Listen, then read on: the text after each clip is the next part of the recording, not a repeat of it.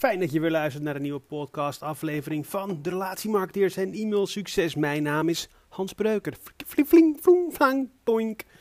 Maar oprecht hè, mocht je een van de vier mensen zijn naast mijn moeder die dit luistert, nee gaatje. Mocht je dit luisteren, ik wil je echt zeggen dat ik het waardeer. Spread the word. Laat eens een keertje een ehm, positieve review achter. Vandaag gaan we het hebben over Tai Lopez's zeven stappen naar een miljoenenbedrijf. Lopez is een hele interessante internetondernemer in Amerika die het gewoon ontzettend goed doet. En het is wel een gladde gozer, maar we kunnen er heel veel van leren. Ik vind hem een ontzettend interessante kerel. En net zoals met veel van die business gurus of goats, ga ik soms diep in hun content. En dan ben ik weer een tijdje klaar met ze of ik blijf volgen. Maar ja, Lopez blijf ik volgen. Het is voor ons Nederlanders is hij soms wel een beetje, ja, een beetje veel, een beetje cocky. En je denkt al wel snel dat het een, uh, een salesman is, weet je. Het is echt een beetje een gladde gozer. Maar ja, hij kan echt wel wat.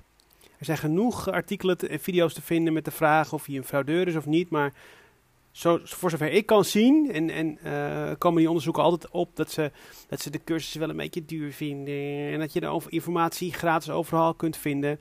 Maar dat vind ik, dat vind, vind ik echt een beetje bullshit eigenlijk. Want uh, iemand anders die cureert dat voor je, zorgt ervoor dat het beschikbaar is. Die plukt en, knipt desnoods plus zijn eigen kennis en ervaring erbovenop. Biedt jou die kennis aan en die cursussen. En zo duur zijn ze niet. Dus persoonlijk vind ik dat allemaal een beetje bullshit. En ik denk dat je gewoon die cursussen moet nemen. En ik ben geen, ik verdien er geen, uh, geen, uh, geen geld mee. Dus. Maar hij gaat in deze 10x talk bij de 10x conference van Grant Cardone in op zijn eigen idee en hoe je een miljoenenbedrijf bouwt. In zeven stappen. Ik ga de stappen aan je vertellen, zodat ook jij eventueel met jouw business iets van kan leren en hoe je die zeven stappen kunt volgen. Uh, dat gaat van 1 naar allies, bondgenoten, introvert en extrovert, de overeenkomst, het idee, mensen, wordt een meester in marketing en branding, relatability en zoek slimme mensen om je heen. Nou, de zeven stappen van Tai Lopez. Uit eten gaan is duurder. en, en, een keer goed uit eten gaan is duurder dan de meeste van zijn cursussen. Hè? Je moet die informatie bundelen, zoals ik al zei. Um, ik heb ook één keer zijn uh, cursus gekocht, Social Media Marketing Agency. Ik vond het echt heel goed, heb ik echt veel van geleerd. Zeker voor die prijs. Dus um, dit is het wel waard. Het was iets van 125 dollar. Nou ja, ik heb broeken die duurder zijn. Anyway, uh, sinds ik twee weken geleden stopte met drinken, heb ik ineens meer tijd. Want nou ja, ik drink niet meer. En werd een paar weken geleden zondagochtend wakker om 8 uur. En uh, na een beetje kut op mijn telefoon ging ik op mijn heen, home trainers zitten zweten. En keek ik deze Tai, Tai Lopez 10x presentatie. Uh, interessante takeaways.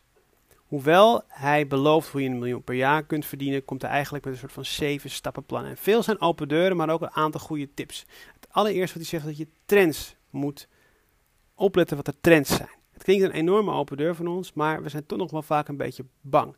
Misschien leveren die trends zoals Google Ads, Facebook Ads, YouTube Ads nu niet meer zo'n hoger ROI op als vroeger. Het werkt nog steeds. En als we wachten moeten op trends, zijn we 80 en zijn we nog steeds, uh, leveren we nog steeds een Jan Model salaris. Dus uh, kijk goed naar trends, maar kijk ook hoe anderen het doen. Dat is een belangrijke tip. Oké, zijn eerste tip. Allies, oftewel bondgenoten. Introvert en extravert. Dat betekent dat je volgens TAI zakenpartners moet hebben. Oftewel mensen die jouw zwaktes compenseren. En persoonlijk in mijn opinie vind ik dat je ook dat werknemers of ingehuurde krachten kan zijn. Maar hij bedoelt ook mensen met wie je kan sparren en met wie je ideeën kan bespreken. Wat hij hier zegt is dat hij niks doet en alleen die ideeën heeft. En dat je daar moet zoeken naar iemand die al het werk doet. Hè? Een andere iemand die dan introvert is als jij extrovert bent. En omgedraaid. Nou, dat klinkt natuurlijk fantastisch en bij hem werkt het, maar het is natuurlijk een beetje bullshit, want Tai werkt ook keihard en hij is heel veel online. Hij leest elke dag een boek. Hij maakt die summaries. Hij is alom uh, present op het internet. Zijn bereik is ook al heel veel waard. En daar heeft hij heel hard voor moeten werken, of geval veel voor moeten doen. En hij heeft heel veel talent daarvoor. Dus of je alleen met een extravert idee heel ver komt, dat weet ik niet. Maar goed, uh, ik denk dat gewoon wij, jij en ik, keihard moeten werken eerst. Voordat je een beetje bekendheid genereert als extravert. En dat je kan teamen met de introvert. Is een goede tip. Nou, twee lees de overeenkomst. Oftewel, wees super duidelijk over de werkverdeling. Heel belangrijk punt. Geloof me, ik heb het meegemaakt, ben daar dan dat. Op een gegeven moment dan uh, lopen dingen niet meer goed. Drie, het idee is super belangrijk. Thijs zegt, je moet, idee moet in één zin duidelijk zijn. Dus een van zijn, zijn, zijn uh, best lopende concepten is Mentorbox. It's the Netflix of books. Nou, dat is duidelijk.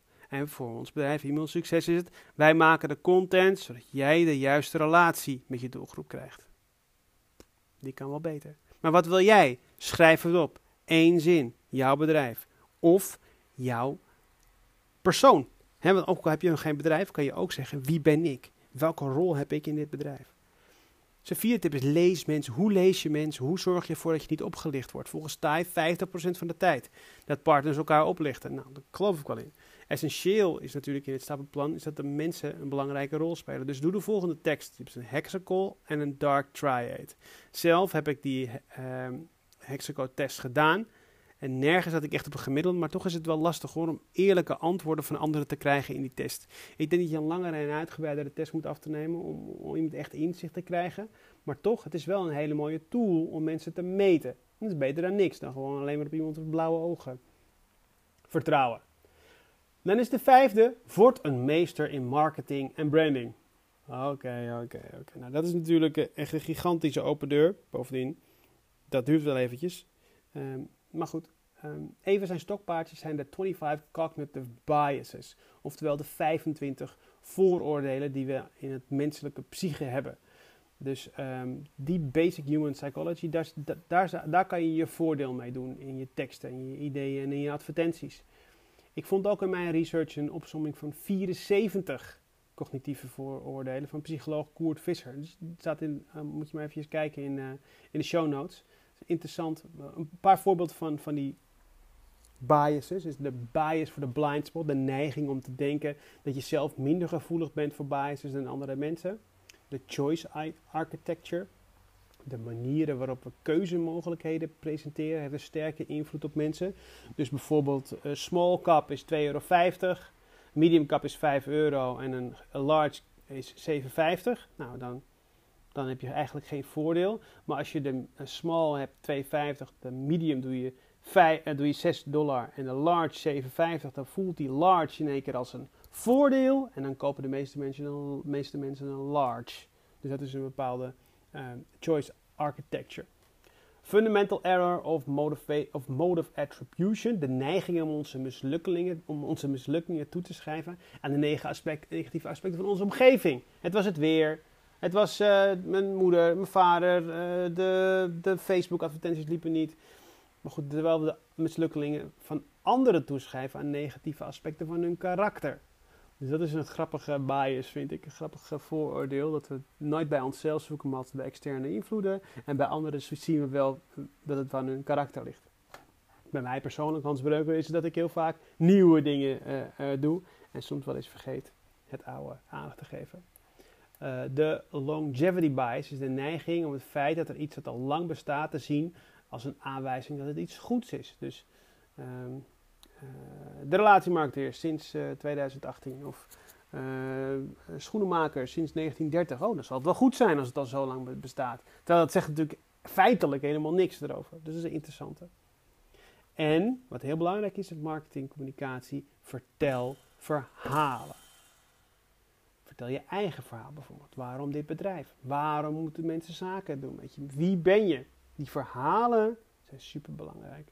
En dat leidt naar het volgende punt: is relatability. Herkenbaarheid. Zorg voor een verhaal waar mensen zich mee in kunnen leven.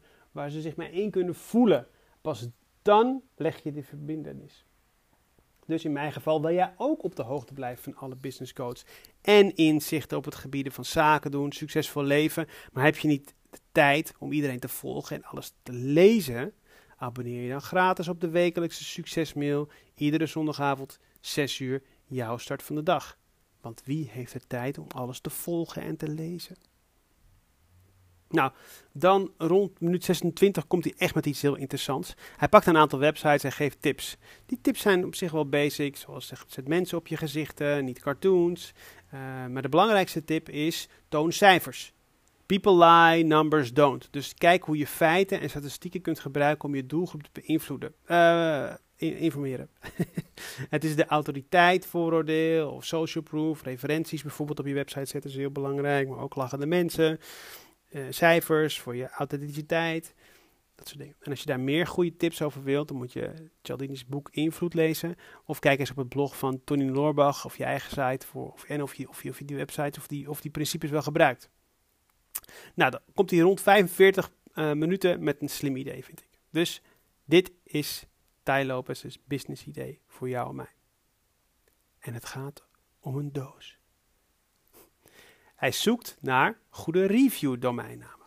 Hij, uh, in, dit, in het voorbeeld haalt hij proteïnerepen aan. Nou, we zijn allemaal goed fit bezig. Proteïnerepen heb je, weet ik veel of je die nodig hebt, maar laten we even zeggen dat, je die nodig hebt.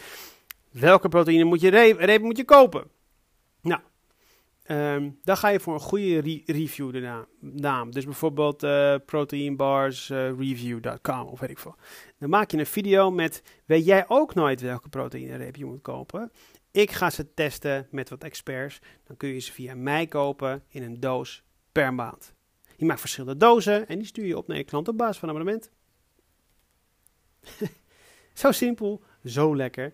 En het, het, idee bestaat nog steeds niet hier in Nederland. Dus, en ik denk dat er ook veel behoefte aan is. Ik denk dat er veel markt voor is voor dit soort dingen in een abonnementsdoos die je niet hoeft. Nou ja, kijk naar HelloFresh. Kijk naar um, um, andere subscription-based modellen. Heel veel zijn succesvol. Bolt King met die scheermesjes. Tip 7. Zoek slimme mensen om je heen. Ik vind dat altijd heel lastig. Um, ik heb wel twee mensen om me heen die slim en ambitieus zijn. En um, uh, vooral succesvoller zijn dan mij in mijn privéleven. En daar spar ik ook af en toe mee. Maar ik, maar ik weet nooit precies hoe je dat nou echt goed doet. Maar je kan natuurlijk ook gewoon goede mensen inhuren. En dat kost natuurlijk wel geld. Maar je kan ook kijken welke business coaches er, er zijn en hen vragen af en toe om hulp. Maar dan begint het echt te gekke stukje van deze video. Van die presentatie op die 10x conferentie. De price framing. Hoe die dat doet is echt fabulous.